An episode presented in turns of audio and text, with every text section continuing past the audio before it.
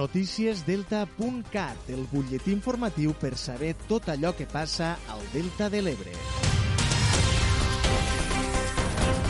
Hola, molt bon dia. Repassem l'actualitat de casa nostra. L'empresa Nomen Foods, amb seu a Deltebre i propietat de Rosaires del Delta de l'Ebre, s'ha convertit en la primera empresa arrossera del món amb el certificat B Corp, un certificat que medeix la sostenibilitat de les empreses i es concedeix a aquelles que generen un impacte positiu a la societat i al planeta amb la seva activitat. Nomen Foods ha sumat 92,2 punts en el procés de certificació que elabora B Corp i que avalua un total de 5 àrees, des de la governança, el medi ambient, la comunitat, els treballadors i els clients. Segons l'informe, Nomen Foods destaca sobretot per tenir un model de negoci que beneficia i genera valor social, econòmic i mediambiental a escala local amb la creació, per exemple, de llocs de treball dignes. En l'àrea de medi ambient, l'informe destaca l'impacte positiu que genera a l'entorn a través d'una gestió ambiental responsable i sostenible. Escoltem Enric Batlle, que és el CEO de Nomen Foods. Nosaltres el nostre, el nostre propòsit ha sigut aquest, és a dir, tant l'equip directiu com l'accionariat té una càrrega emocional,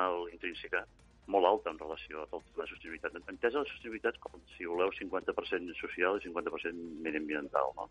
Doncs hem treballat moltíssim i hem fet moltíssimes coses per arribar fins a aquest punt. Arriba un moment que te preguntes de dir, bueno, vale, tot això com es mereix? Realment som o no són sostenibles? No? I hem quedat sorpresos, meravellats i encantats de veure que tenim una certificació de 92,2 sobre 100, que és de les més altes que hi ha, que n'hi ha a nivell mundial.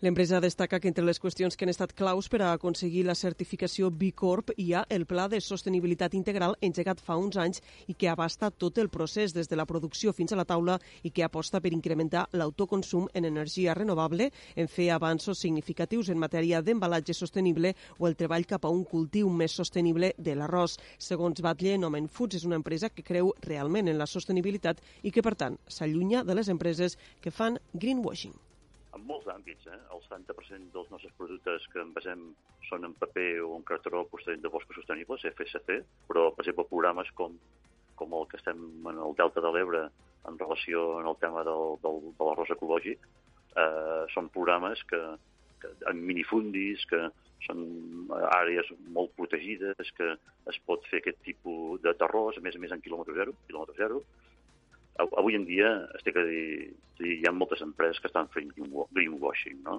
No és el nostre cas.